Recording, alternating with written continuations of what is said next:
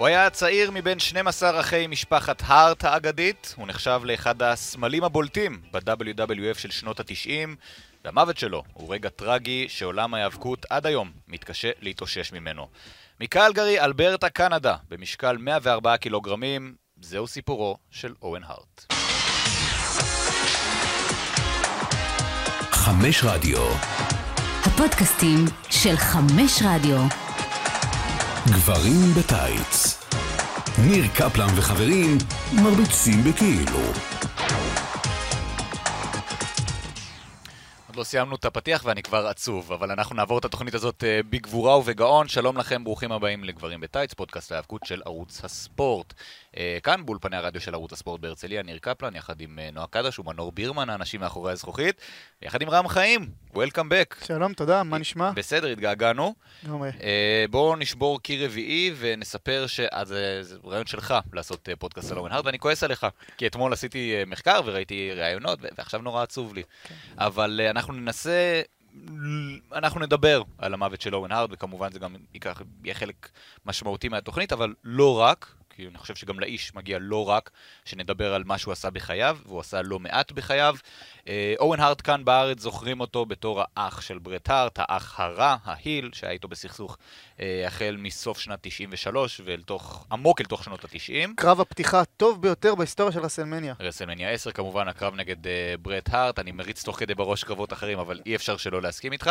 אבל הקריירה של אואן הארט כמובן מתחילה הרבה קודם, עוד בסטמפיד, ארגון ההיאבקות uh, בקנדה, של סטו הארט, עם כל האחים הארט שם. אבא של, אבא של אה, ברט ואורן. של ברט ואורן ועוד, אה, ועוד עשרה, אה, וכבר שם אפשר לומר שאורן הארט מאוד התבלט, כי הוא לא היה, היו מן הסתם מתאבקים טכניים, כי זה היה הרעיון של הטריטוריה פחות או יותר, והיה מתאבקים קשוחים, אה, והיו מתאבקים אה, זריזים.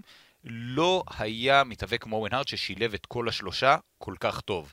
אה, ואנחנו נגיע בהמשך ללמה זה עבד לו ואיך זה עבד לו בהמשך, אבל הוא עבר לא מעט תלאות כשהוא ניסה לעשות את המעבר הראשון לארה"ב, הגיע אה, ל-WWE, אז ה-WWF, עוד בסוף שנות ה-80, כבלו בלייזר, דמות שבאופן טרגי תחזור מאוחר יותר בחיים שלו, וזה לא הצליח. כלומר, הוא עשה את אותם דברים, הוא קיפץ על חבלים, והיה, ו- והיה אחלה babyface, ועשה דברים שלא ראו אז בארצות הברית, ועדיין זה לא הצליח לו, הוא הפך ל jobber מאוד מהר, ועזב מאוד מהר. השאלה היא למה. כי באותה תקופה בעצם הדמויות מהסוג הזה של הבלו בלייזר, הבלו בלייזר אה, היו מאוד מאוד מאוד דומות. באותה, באותם, באותם שנים גם בעצם נחשפו יותר לסגנון של הלוצ'ה, של הלוצ'ה ליברה. אה, מתאבק עם מסכה, בטח מתאבק עם מסכה שקצת יודע להתעופף. זה היה דבר די קלישאתי, זה לא היה איזשהו... ב-WW זה היה פחות קלישאתי. פחות חוץ קלישאתי. מימי מיל מסקרס וכאלה, נכון, פחות ראו את זה שם. נכון, אבל ב-WWE באותה תקופה, אלא אם כן לא היית איזה שרירן משוגע, היה מאוד מאוד קשה להתבלט, ומסכה ולקפוץ באוויר פחות הלך, פחות תפס באותו זמן, בטח שם בארגון הבכיר. ניקח את, זה, ניקח את זה לכיוון קצת אחר, כי מה שווינס מקמן אוהב יותר משרירים ואנשים חזקים זה כסף. ואני חושב על זה, בא בחור, צעיר, עושה מהלכים יוצאים מן הכלל, עם מסכה, עם דמות שהיא חצי מגוחכת, חצי גדולה מהחיים. זה משהו שמאוד אמור למכור דווקא לילדים, למרצ'נדייז, תקנו את המסכה ותקנו את הגלימה ותקנו את הקלטת ותקנו כרטיס. ועל הנייר זה משהו שאמור לעבוד. מה גם שהיה לו שם את ברט מאחורי הקלעים שמשך חוטים בשבילו. כריזמה קשה לה לעבור דרך מסכה יכול להיות. יכול להיות שגם... ה... תראה, המבנה גוף של אורן הוא לא איזה מבנה גוף אתלטי יותר מדי. ואני חושב שגם זה בעצם היה באורך רב, בוא נגיד את זה ככה. אמ, אני, בשביל הדיון אני קצת רץ קצת קדימה. אמ, אני קצת אדבר קצת בהקשר הזה על מחלקת ה cruiserweight של WCW בעלייה של WCW. אנחנו ו- כבר עשור מאוחר כן, יותר. כן. אני לרגע קופץ כדי, בעצם בשביל ההקבלה. אוקיי. ובעצם מיתגו את מחלקת ה cruiserweight בתור הדבר הכי מרענן ב-WCW. יכול להיות שזה היה נחמד, זה היה מופע לוליינות, בוא נקרא לזה במרכאות, ש... שמשך את הקהל, שאהב את הקהל, אבל אני לא בטוח שהקהל קנה בשביל זה כרטיסים. באותו מקרה, גם המקרה של אורן, שהוא באמת, הייתה דמות נחמדה, אבל באותו זמן נחמד פחות עבד. ריי מיסטריו, לא מישהו שנורא קל למכור את הגימיק שלו ואת זה שהוא מקפץ ועם מסכה. אי אפשר לקרוא לאוון הארד גרסה מאוד מוקדמת של זה. אני חושב שריי מיסטירו זה בעצם, אם נלך אפילו, ברשותכם אפילו עוד קצת יותר קדימה, ב-2006 הוא זכה באליפות העולם, בעיניי היה אלוף עולם רע. כן, אני מסכים איתך. זה... זה, ואני חושב שזה בעצם זה היה בעצם ההתפתחות, הזמן המאוחר, שבלו בלייזר בעצם הניח את היסודות לכך שהם מתאבקים קטנים, עם אלופי, בתור אנשים שנאבקים ב main event, זה פחות תופס. גם לא ב main event, שמע, אתה יכול לקחת אותו, אה, קח טיטו סנטנה כזה, וקח אה, הרוקרס אפילו, שהיו קצת יותר מאוחר, אבל באותה תקופת זמן. הרוקרס נגיד כן הצליחו. אמנם לא הייתה להם מסכה, אבל מבחינת היאבקות הם התבססו על אותו דבר, פחות או יותר. והם התפוצצו מהר מאוד, והוא לא. אז איך אתה מסביר את זה שהרוקרס אפילו לא לקחו את אליפות הזוגות? אה, זה, אגב, אה, אתה יודע מה? בוא, הרמת לי, זה לא ב lineup אפילו, אבל אני אוהב לאלתר. אה, אפרופו אואן הארט ומשפחת הארט, איבדנו את ג'ים ניידהארט לפני זמן קצר, שוב, נודה על האמת, יום לפני שהפודקאסט הזה מוקלט. ג'ים ניידהארט וברט הארט היו אמורים להפסיד את אליפות הזוגות לרוקרס, כשג'ים ניידהארט היה בדרכו החוצה מהארגון, אחת מדרכיו הרבות החוצה מהארגון. נשבר החבל של הזירה, אה, הם איכשהו אלתרו את הקרב עד הסוף, תכננו לשדר את זה, ובמקביל NBC ביקשו מהם לקצר את התוכנית, את ה Saturday Night Main Event, ביטלו את הקרב הזה וביטלו את המעבר של התארים. כלומר, הרוקרס כן היו אמורים להיות אלופי זוגות. ואתה יודע מה, גם אם לא, הם עדיין היו חלק הרבה יותר משמעותי בתוכנית מהבלו בלייזר. ואנחנו נהרוג כאן לא מעט פרות קדושות בתוכנית הזאת. יכול להיות שלשון מייקלס, ואפילו למרטי ג'נטי, יש יותר כריזמה מאורן הארט. כן, חד משמעית כן. ואורן ארט, בכלל, כל משפחת ארט, אני חושב שגם, זה, זה היו זמנים, אתה מדבר על מכירת כרטיסים, המיקרופון הוא בטח באותו זמן היה גורם לא, לא פחות חשוב מהעבודה שלך בזירה. ומשפחת ארט הייתה קצת מסומנוס, בוא נגיד את זה ככה ב. בקטע הזה. אני, אני נמס כשאתה משלב פה אה, ביטויים אה, לטינים. אה, אורן הארט הפייס מעולם לא היה איש פרומו גדול. אורן הארט ההיל היה איש פרומו מדהים. אה, וכן, בוא נקפוץ קצת קדימה. אה, עובר ל-WCW לכמה קרבות מאוד נדירים, מצוין שם, אבל WCW יכולת לזרוק אליהם אה, גוש של זהב, והם היו מלבישים אותו בתחפושת של גמד, כי לא היה להם מושג מה לעשות עם שום דבר. והוא חוזר ל-WWE, בין השאר בהמלצת ברט. מדשדש, היה לו את הצמד עם ג'ים ניידהארט, את ה-New Foundation, ג'ים ניידהארט שוב פוטר, היה לו את הצמד עם קוקו בי וויר, היי אנרג'י, שזה... וואו, לא יודע מה להגיד על הדבר הזה. אפילו, אם לא ראיתם, יש לכם מזל. אה, ואז מגיע אה, Survivor Series 93, סדרת ההישרדות, קרב של האחים הארט, במקור זה אמור להיות אה, ג'רי לולר ושלושת המלכים, וג'רי לולר נגע בכמה בחורות שהוא לא אמור לגעת בהן, לכאורה, אה, ושון מייקלס מחליף אותו, קרב של ארבעה נגד ארבעה, ושם אה, נטמנים הזרעים ל feud בין הגדולים של שנות התשעים. אה, אואן הארט הוא היחיד שמודח, ואז מתחילים לצוף כל מיני אה, קרעים תוך משפחתיים, אואן תמיד קינא בברט, אה, ברט תמיד, אה, אה, אואן תמיד חי בצילו, ומתחיל ה feud הזה. מסדרת ההישרדות 93 עד רסלמניה 10, כמו שאמרת, מרסלמניה 10 לתוך סאמרסלאם 94, קרב הכלוב, מסאמרסלאם 94 כבר לתוך שנת 95, כשאורן תומך בבקלנד אה, וכדומה. אה, זה עבד מדהים. למה? תרשה לי לעשות איזושהי עוד הקבלה, נצא קצת מ... אני אוהב הגבלות. כן, אוקיי? מחוץ לעולם ההאבקות. נניח שעכשיו הבת זוג שלך נורא נורא אוהבת טלנובלה. טלנובלה אפילו דרום אמריקאית, אוקיי. אוקיי? אני מוכן באמת אנחנו להבטיח אומרים לך... נרקוס, זה נחשב? נר- נרקוס זה לא לא אוקיי. בדיוק טלנובלה, אני מדבר איתך משהו שמראים בערוצים שמיועדים לזה. אתה יכול להגיד ויבה. ויבה, כן. אנחנו לא... כן, פה... כן. כן. אני מוכן לשים איתך, לשים, סליחה, לשים המון כסף שאתה תתאהב בתוכנית הזאת יותר מאשר הבת זוג שלך. מהמם. יש לקטע כזה לגברים, בכל מה שנוגע בו העניין הטלנובלי, להתמכר לזה. כשאתה מסכסך בין שני בני משפחה, זה, זה עובד.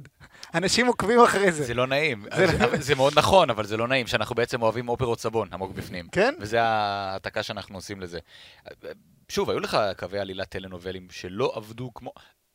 אני מנסה לחשוב מבחינת storyline, זה אולי ה storyline הארוך הכי טוב בתולדות הארגון, אוקיי? כי אני אגיד לך גם יותר מזה, כשאואן הארט אה, היה יחד עם יוקו זונה ב-95, הוא אמר, יוקו זונה ניצח את אח שלי על אליפות העולם, אז עכשיו אנחנו אה, רוצים להיות חברים. וכשבוב בקלן ניצח את ברט הארט, אז אורן היה שם בפינה. זה נמשך בכל מיני פינות קטנות כאלה לאורך שנות ה-90, וזה מעולם לא נכבה. העשייה של ה... שבעצם הצית את הפיוד הייתה כל כך טובה, כי לאנשים כאב לראות את ברט ארט כל כך סובל על הרגל, ובא אוהן, אוהן ובועט ברגל הזאת. kicked his leg out of his leg. ממש ככה, הזה. ו... זה ריסק לאנשים את הלב לראות, לא רק ש... שברט עוד יותר כואב לו, גם אח שלו עשה את זה, בעצם קרם לו כל כך לכאב הזה. זה, וזה מוכר, לא, לא יעזור. אז בוא ניתן את הקרדיט גם לאורן, הוא היה אח קטן ומעצבן מדהים. נכון. עכשיו, כמה שרצית להתחבר, ואני בתור אח קטן, יכול להתחבר לסיפור הזה של האח הגדול מקבל הכל, והוא תמיד אה, אה, החזות של המשפחה כולם וחוד אוהבים החנית, אותו. וכולם אוהבים אותו, ואתה מקנא, אבל אורן היה כל כך מעצבן, שלא יכולת לאהוב אותו, גם אם רצית. וכשהיה לוקח את המשקפי שמש כמו של ברט, וקורע אותם בפני המעריץ אה, בשורה אה, הראשונה, הוא היה מדהים, ועדיין, אוקיי, יש להם את הקרב ברסלמניה 10, אורן מנצח בקרב הפתיחה. ברט במהלך גאוני מנצח בקרב האחרון על אליפות העולם, ואורן יוצא, הוא לא מאמין שהוא שוב חי בצל של אח שלו, למרות שהוא ניצח את אח שלו.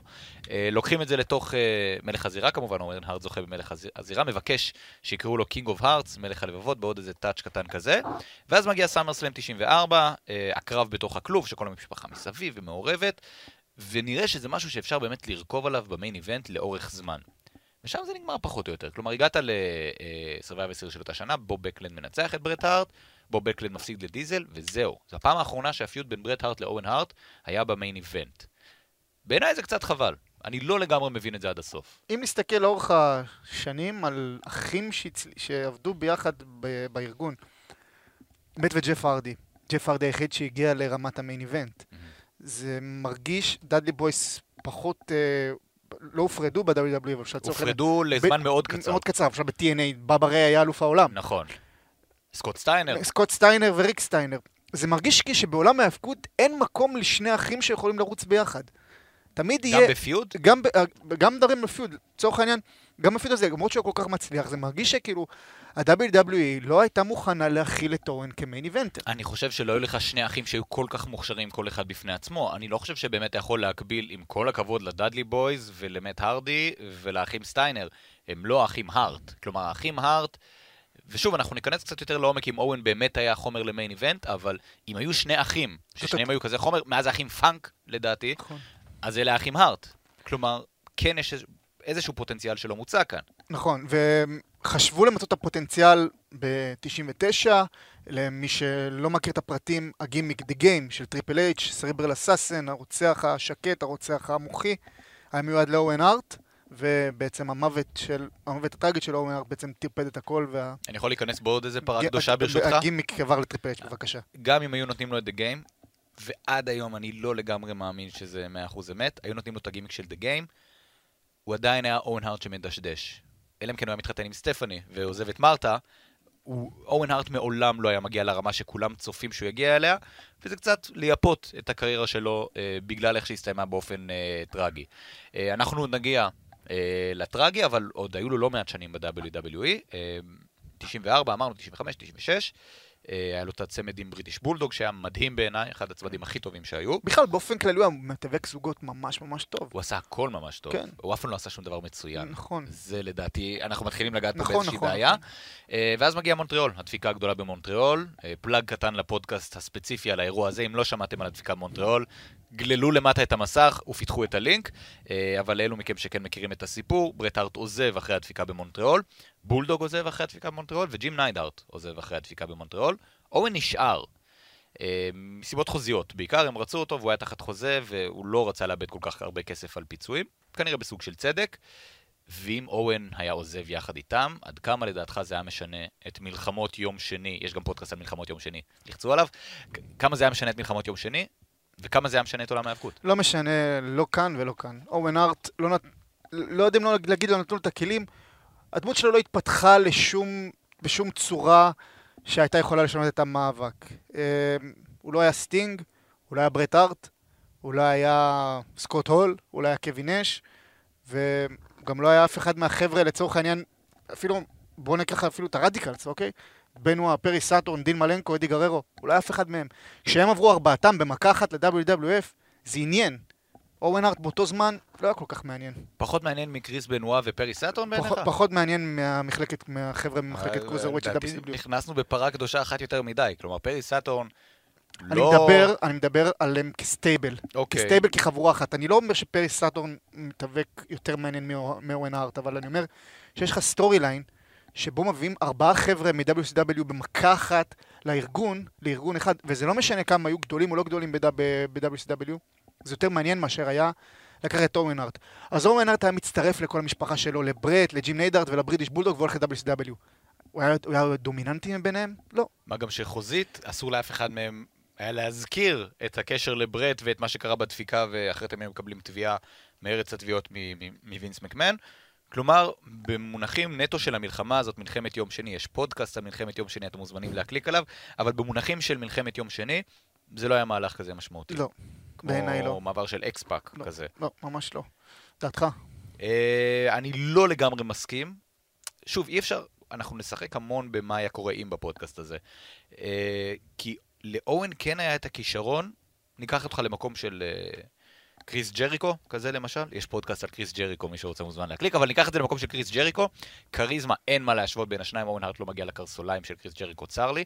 מבחינת מה שהוא יכול לעשות בזירה, והגיוון שלו, והמתאבקים שהוא יכול להתמודד מולם, היה שם משהו שבהינתן הנסיבות הנכונות, הוא היה יכול לרוץ איתו. אם הנסיבות הנכונות היו קורות, אני לא יודע, רוב הסיכויים שלא. דיברת על קריס ג'ריקו. קריס ג'ריקו הוא לא היה מתאבק כזה משמעותי ב-WCW. הוא היה מתאבק מעניין, הוא היה שלט במחלקת cruiserweight, אבל הוא לא קיבל את הקפיצה ל main event. נכון. איך אתה מסביר את זה אז, שהבכורה שלו, יכול להיות שזה בגלל שדה רוק היה נוכח, ה countdown והספירה לאחור, ופתאום יוצא קריס ג'ריקו ורשום ג'ריקו, ושוב, זה לא היה מתאבק superstar מ-WCW, אבל האולם ב-WWF התפוצץ.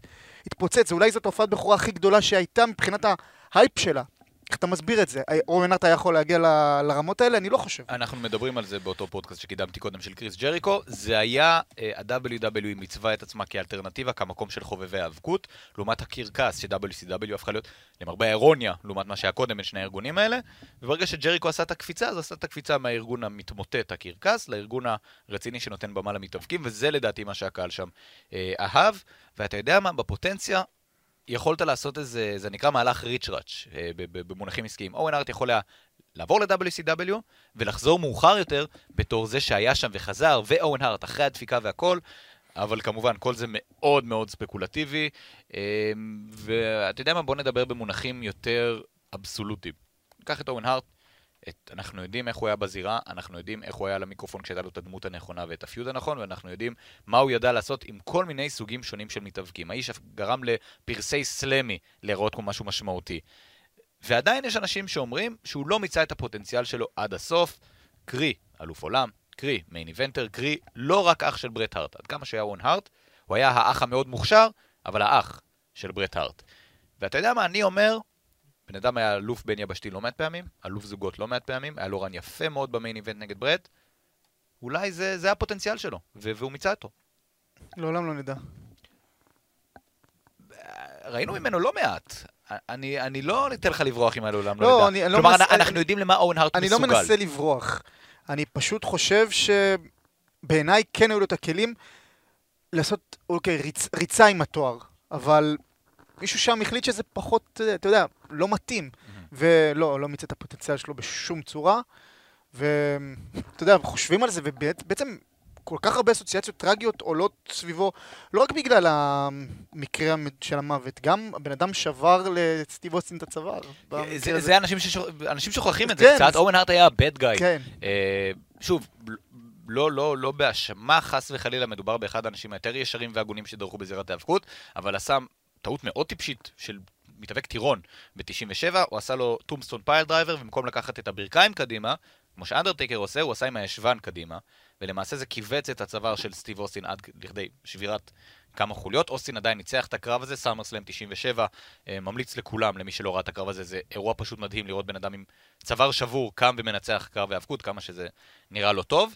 אה, אגב, סט- אוסטין סבל מזה עד סוף הקריירה שלו. נכון, נכון, אורן הארט די חרבן לאוסטין את הקריירה. כן, ואני חושב שאם משחקים על הסטורי ליין הזה, למשל, לצורך העניין, כמו שבעט ברגל, אז שברתי צוואר, אני חושב שאורנארט היה יכול להיות אחלה איל של- שיכול להיות אלוף עולם. קריפלר, כן, ממש פשוט ככה. קריפלר. ממש ככה, וזה בעצם זאת התשובה שאף אחד לא באמת נתן לו לממש את הפוטנציאל, כי יש שם פוטנציאל ענק. אז בואו נשאל את שאלת השאלות. ברט או אורן? אורן. אורן היה יותר טוב. אורן היה יותר טוב, כי הוא היה יותר מגוון בעיניי. ברטהארט, העניין הנוסטלגי, בטח בישראל, בכלל בעולם, כי הוא אלוף עולם אחד הגדולים, נותן לו את הנקודות זכות שחושבים, שכאילו, שאתה מדבר על, על פרות קדושות, וזה אולי זו הפרה הכי קדושה שנשחט בפודקאסט הזה. בעיניי אורן, בגלל שהוא היה קצת יותר מגוון בזירה, קצת יותר מעניין על המיקרופון, אבל ברט הארט היה, לא ממש היה יכול לצאת מהעולם הטכני, מה, מהסופלקסים והבקברייקרים וה, וכל הקשרים שהוא היה עושה, והמרפק מלמעלה. ואורן היה יכול, היה יכול להוסיף לקרב קצת יותר, אפילו ברמת המהלך הכי בסיסי כמו דרופקיק. אני אגיד לך אה, דבר כזה. ברט הארט תמיד נחשב לסמל של מתאבק שהוא לא גדול אבל מאוד מוכשר. ועדיין, לדעתי אם אורן הארט היה בגודל של ברט הארט, כלומר עוד חצי ראש, הוא היה עושה מה שברט עשה ואולי אפילו יותר, ועדיין כדי לסנגר על ברט הארט, אה, מישהו אמר פעם משפט שאני מאוד אוהב. לא היה מתאבק כמו ברט הארט, שכשהוא מקבל מכות, גורם לך להרגיש שהוא באמת מקבל מכות, וכשהוא נותן מכות, גורם לך להרגיש שהוא באמת נותן מכות. לאורן לא היה את זה עד הסוף. אורן היה מאוד טוב בלהיות ההיל הפחדני, אה, המגוחך קצת. כפייס הוא אף פעם לא הצליח. אז אתה הולך עם ברט. אני הולך על תיקו. Fair אה, enough. אוקיי, עד כאן החלק היותר שמח של הפודקאסט הזה. Tragedy befell the World Wrestling Federation and all of us. Owen Hart was uh, set to make an entrance from the ceiling, and uh, he fell from the ceiling. And I have the unfortunate responsibility to let everyone know that Owen Hart has died.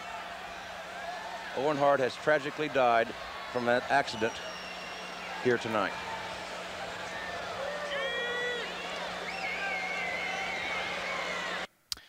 זה קרה ב-23 במאי 1999, אירוע the Edge אה, של WWE. אורן הארד כבר קיבל מחדש את הדמות של הבלו בלייזר, גיבור העל עם הגלימה שאמור אה, אה, להמריא אל על ולרדת אל הקרקע, אה, וכחלק מהגימיק הזה, הוא היה אמור לרדת מתקרת הבניין עד לזירה במין אה, סוג של... אה, אה, אומגה.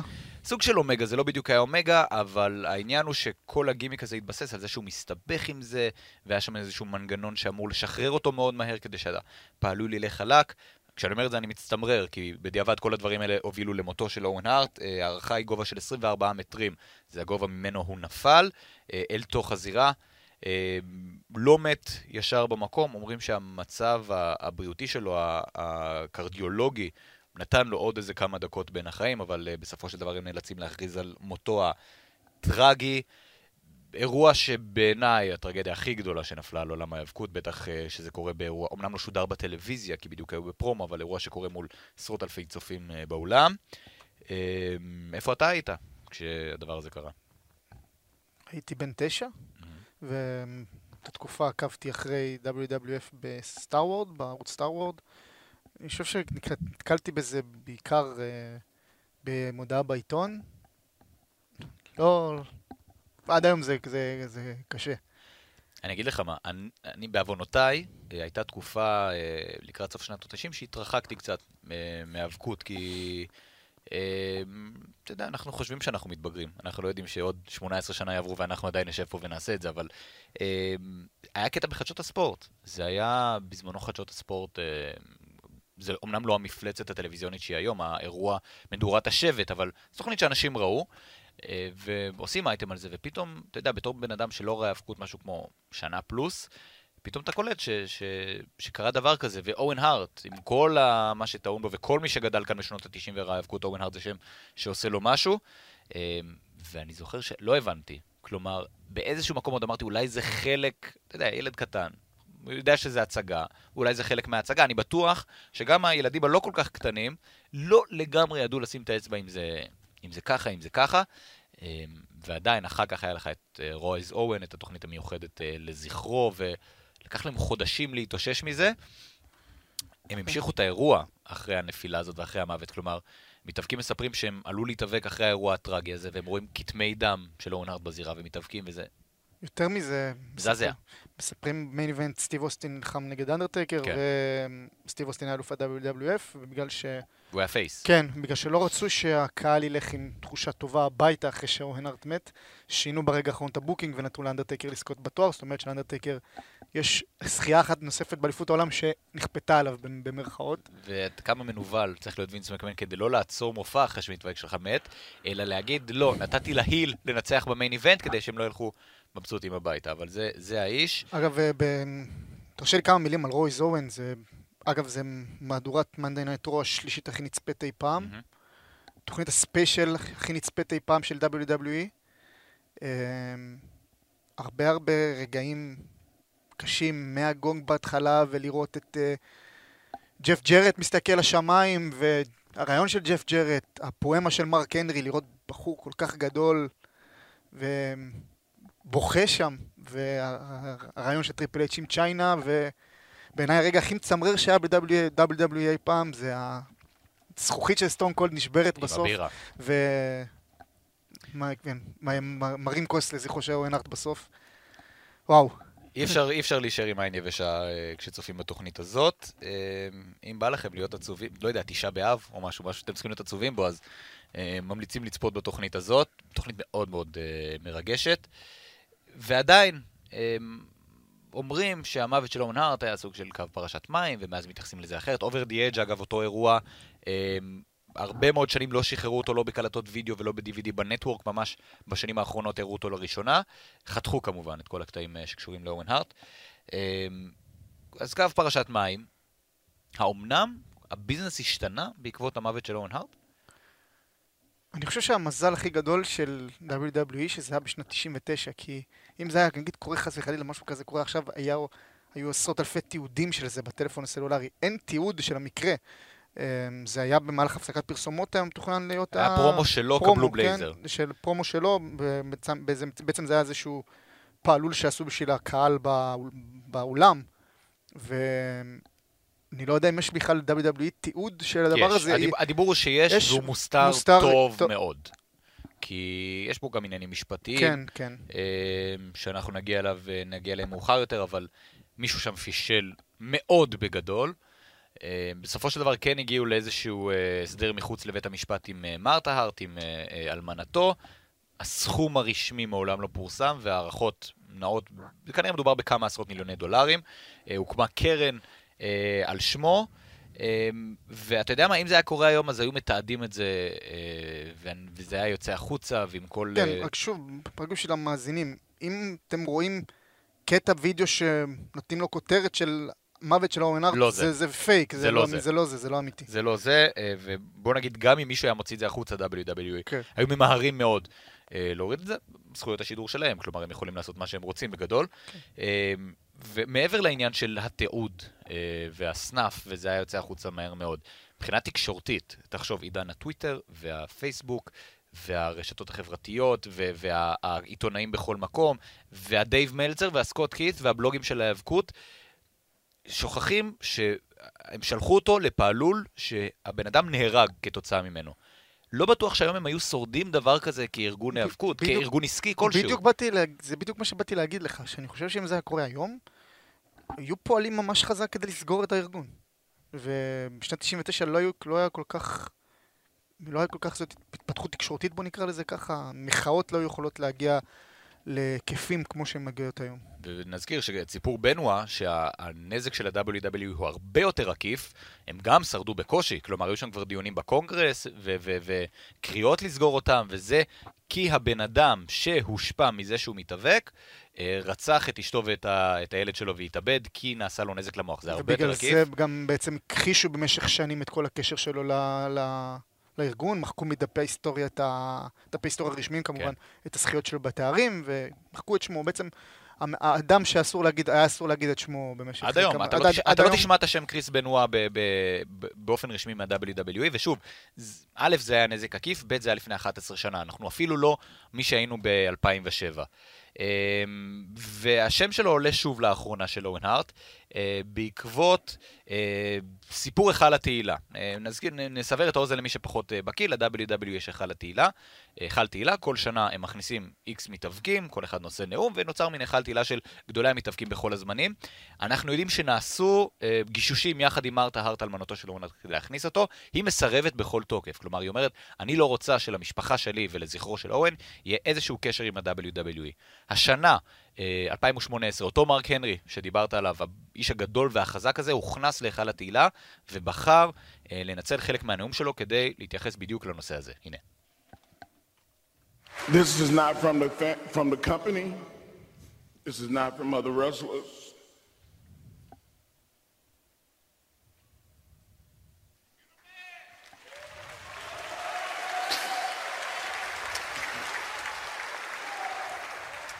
This is from his other brother.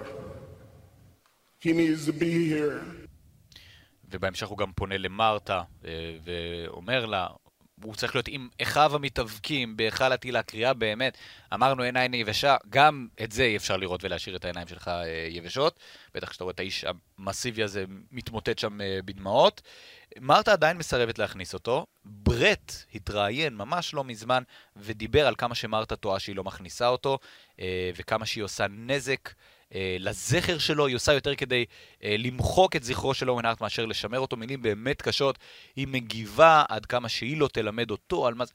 נעשה שם סכסוך משפחתי מאוד מגעיל. ולאחרונה בר- ברט הארט פוסט מאוד מאוד ארוך בפייסבוק עם תמונה של כל האחים והאבא סטוארט בעצם מספר את הצד שלו בכל הסיפור ומספר איך- איך מרתה בעצם ממש אומר את זה. הסיתה את הילדים של אורן הארט נגד המשפחה שלו. הוא מספר שאם הוא ילך היום ברחוב ויראה את ה... ותעבור מולו הבת של אורן הארט, הוא לא יזהה אותה. האחיינית שלו. האחיינית שלו. אה, זה מאוד לא נעים. אני לא אוהב לדבר בדיונים כאלה במונחים של צודק וטועה, אה, אבל אה, ברט אומר, הוא צריך להיכנס להיכל התהילה, זה יעשה טוב לזכר שלו, מרתה אומרת, אסור להכניס אותו להיכל התהילה אחרי מה שקרה. מי צודק כאן?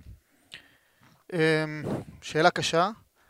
אני חושב שמרתה הארט צריכה לאפשר לו להיכנס. היא אומרת, איבדתי את בעלי בגלל הרשלנות והציניות של האנשים האלה. אבל, והם אנשים רשלנים, ציניים, ובאותו מקרה הם גם היו רשלנים. אבל עדיין, בכל זאת, זה המקום שבזכותו אורן הארט הפך להיות מישהו. אני עדיין חושב שיש מקום להכניס אותו לזה. בטח שכל המשפחה ככה ב- בסכסוך בעקבות זה, אני לגמרי מסכים איתך אגב. אמ, הסכסוך הזה, אפשר לומר שהוא קצת מכתים את המורשת? כלומר, היום כשאתה, אפילו ברמת הגוגל, אתה תעשה אוון הארט, אתה תמצא את ההתבטאויות המגעילות האלה משני הצדדים, אתה לא תמצא איזה קרב שלו. נכון, אני... סכסוך מכתים את המורשת שלו, אני לא יודע, אני... קשה, באמת קשה, אתה יודע, לדבר ולהגיד, זה מילים כל כך קשות להגיד על, על, על, על, על העניין הזה. ועדיין, כן, כן. פה מילים קשות, אבל נגיד יש, אותם. כן, יש פה, יש פה הכתמה של המורשת שלו לגמרי, ו... חבל שזה הגיע למצב הזה. אני באמת, אני מריץ בראש את הפוסט של ברט הארט, וזה באמת כאילו לא נתפס בעיניי. זה משפחה ש... ונלך קצת אחורה, מספ... היה את ה pay-per-view, את Canadian Stampede ב-97, נכון. אמ, שה Hart Foundation היו בשיאם, אואן וברט ובולדוג וניידהארט ופילמן, והיה אירוע בקנדה, כשהם היו כל כך פופולריים בקנדה, והם ניצחו קרב במיין איבנט, והמשפחה של כולם נכנסה, והילדות של זה, והילדים של זה, וסטו נכנס, ואלה נכנסה, וכולם חגגו ביחד בזירה. אה, ונטליה, ניידהארט, אותה אחת שאיבדה את אביה אה, בימים האחרונים, אומרת, זה הרגע האחרון שהיינו כולנו ביחד. כלומר, אה, פילמן הלך חודש אחרי, מונטריאול, סטו הלך לעולמו, אורן נהרג, עכשיו ג'ים ניידהארט, בולדוג, משפחה שנפלו עליה, דיברו על האחים ונריק בזמנו, משפחת הארט לא עברה עשור הרבה יותר קל, או שני עשורים הרבה יותר קלים אה, בתקופה האחרונה. זאת אומרת, קצת משהו גם על הביזנס אה, בעיניי, על כמה מהר זה, זה אה, נשרף, הלהבה הזאת שנדלקת. אבל שוב, המשפחה מסוכסכת בינה לבין עצמה, והכל סביב היכל התהילה של ה-WWE. אולי אנחנו מגזימים קצת? עם כל הכבוד, הטקס הנהדר הזה שקורה פעם בשנה לפני רסלמניה? אני לא חושב. אני לא חושב. אני חושב שזה המקום הראוי לו. פשוט, אה, אתה יודע, אין לי אין לי יותר מדי מה להרחיב על זה, זה- באמת. מה זה המקום? שמע, בהיכל התהילה אתה מוצא את דוינק, ואתה מוצא את אה, אה, פיט רוז, ואתה מוצא את זה ארנולד כבוד שוורצנגר. אולטימטיבי בעיניי. זה כבוד אולטימטיבי. כי לאנשים כמו שוורצנגר, יש section שבאמת אף אחד לא באמת לוקח אותו ברצינות. דוינק הוא Hall of Famer או שהמצאתי? אני חושב שדוינק Hall of כן? Famer, אני לא... קוקו ביוור הוא Hall of Famer, קוקו ב- וזה יותר גרוע מדוינק. אבל אתה יודע, יש את החבר'ה שהם למעלה, האלק הוגן, אוסטין, אדי גררו, ברט הארט, המקום שלו שם. ואתה יודע, יש... זה כמו... זה כמו... בוא, נ- בוא. באמת, עוד הקבלה ברשותך על טקס האוסקר. יש לך טקס האוסקר לאנימציה, יש לך טקס, טקס האוסקר לסרט הטוב ביותר. אורן הארט, שראוי לחלק של הסרט הטוב ביותר. מה גם שאם גם הוא וגם קוקו ביוור יהיו בהיכל התהילה, אז אתה יכול לעשות איחוד של היי אנרג'י נכון. בהיכל התהילה, שזה הכי חשוב אה, בינינו. מה נזכור מאורן הארט? אני אזכור את הסיפורים של ניק פולי שסיפר שהבן שלו, אורן ארט, היה מתאבק אהוב עליו, והוא הסתפר כמוהו, ואת ה- רעיון של ברדשו מרוי זון, שהוא סיפר שאורן הארט היה מתאבק שבזבז הכי פחות כסף בדרכים, כי הוא רצה לשמור על עצמו כדי לפרוש מוקדם ול- ולהעביר שנים עם המשפחה שלו. עוד סיפור על אורן הארט ברשותך. אה, הוא, מספרים שהוא כמעט מעולם לא ארז מזוודה. כשהם היו הולכים לטור מסביב לארה"ב, או אפילו מסביב לעולם, הוא היה אורז תיק קטן, בגדי, סט אחד של אה, בגדי האבקות, סט אחד של בגדי חדר כושר שהוא היה מכבס ביד במלון, ועוד קצף גילוח וסכין גילוח. ושאלו אותו למה אתה לא לוקח מזוודה גדולה? הוא אומר, כשאני יורד מהמטוס בקלגרי, אני רוצה למהר כמה שיותר למשפחה שלי, אני לא רוצה לחכות אה, אה, למזוודה. הוא היה עוף מוזר מבחינת הבן אדם שהוא היה, כלומר, מתאבקים הם די חארות. וכולם אמרו, בעצם ב- ברעיונות תמיד חזרה הצירוף הזה של אהב את המשפחה. אהב את המשפחה, הוא רצה לפרוש כבר בשלב מסוים ולהיות כבאי ולהיות מורה, ו... היה איש מיוחד. ודווקא לו זה קרה. כן. אמ, ובואו נתייחס לפיל שבחדר. אנחנו מדברים כל הפודקאסט הזה על אורן הארט המתאבק. הוא היה ככה טוב, הוא היה ככה טוב, הוא היה כריזמטי, הוא היה מוכשר. האם המוניטין שלו כמתאבק מושפע מהאופן הטרגי שבו הוא אה, הלך? כן, אנחנו עושים... עושים, בואו כן, בוא לא נצא אנשים רעים. אנחנו מדברים כרגע רק על אורן הארט המתאבק ואורן הארט הדמות. כן, המוות שלו עושה אותה, אותו כמתאבק וכדמות קצת יותר טובים. הוא, הוא עדיין היה טוב. הוא היה מצוין. שלא יהיה ספק, הוא היה הוא היה נהדר. מצוין. כנראה לא באמת היו יותר טובים ממנו. בהחלט. אה, והיום, לצורך העניין, אנחנו מדליקים את הטלוויזיה, רואים אה, סמקדאון בחמש לייב, ערוץ 58. עד כמה המתאבקים שאנחנו רואים מושפעים ממה שאואן הארט הביא בשנות אני ה-90? בטוח שכן, כי אואן הארט הביא את ה high flying למיינסטרים, והיום ה high flying, אפילו חבר'ה כמו ברוק לסנר עושים high flying במקרים, אה, במקרים קיצוניים.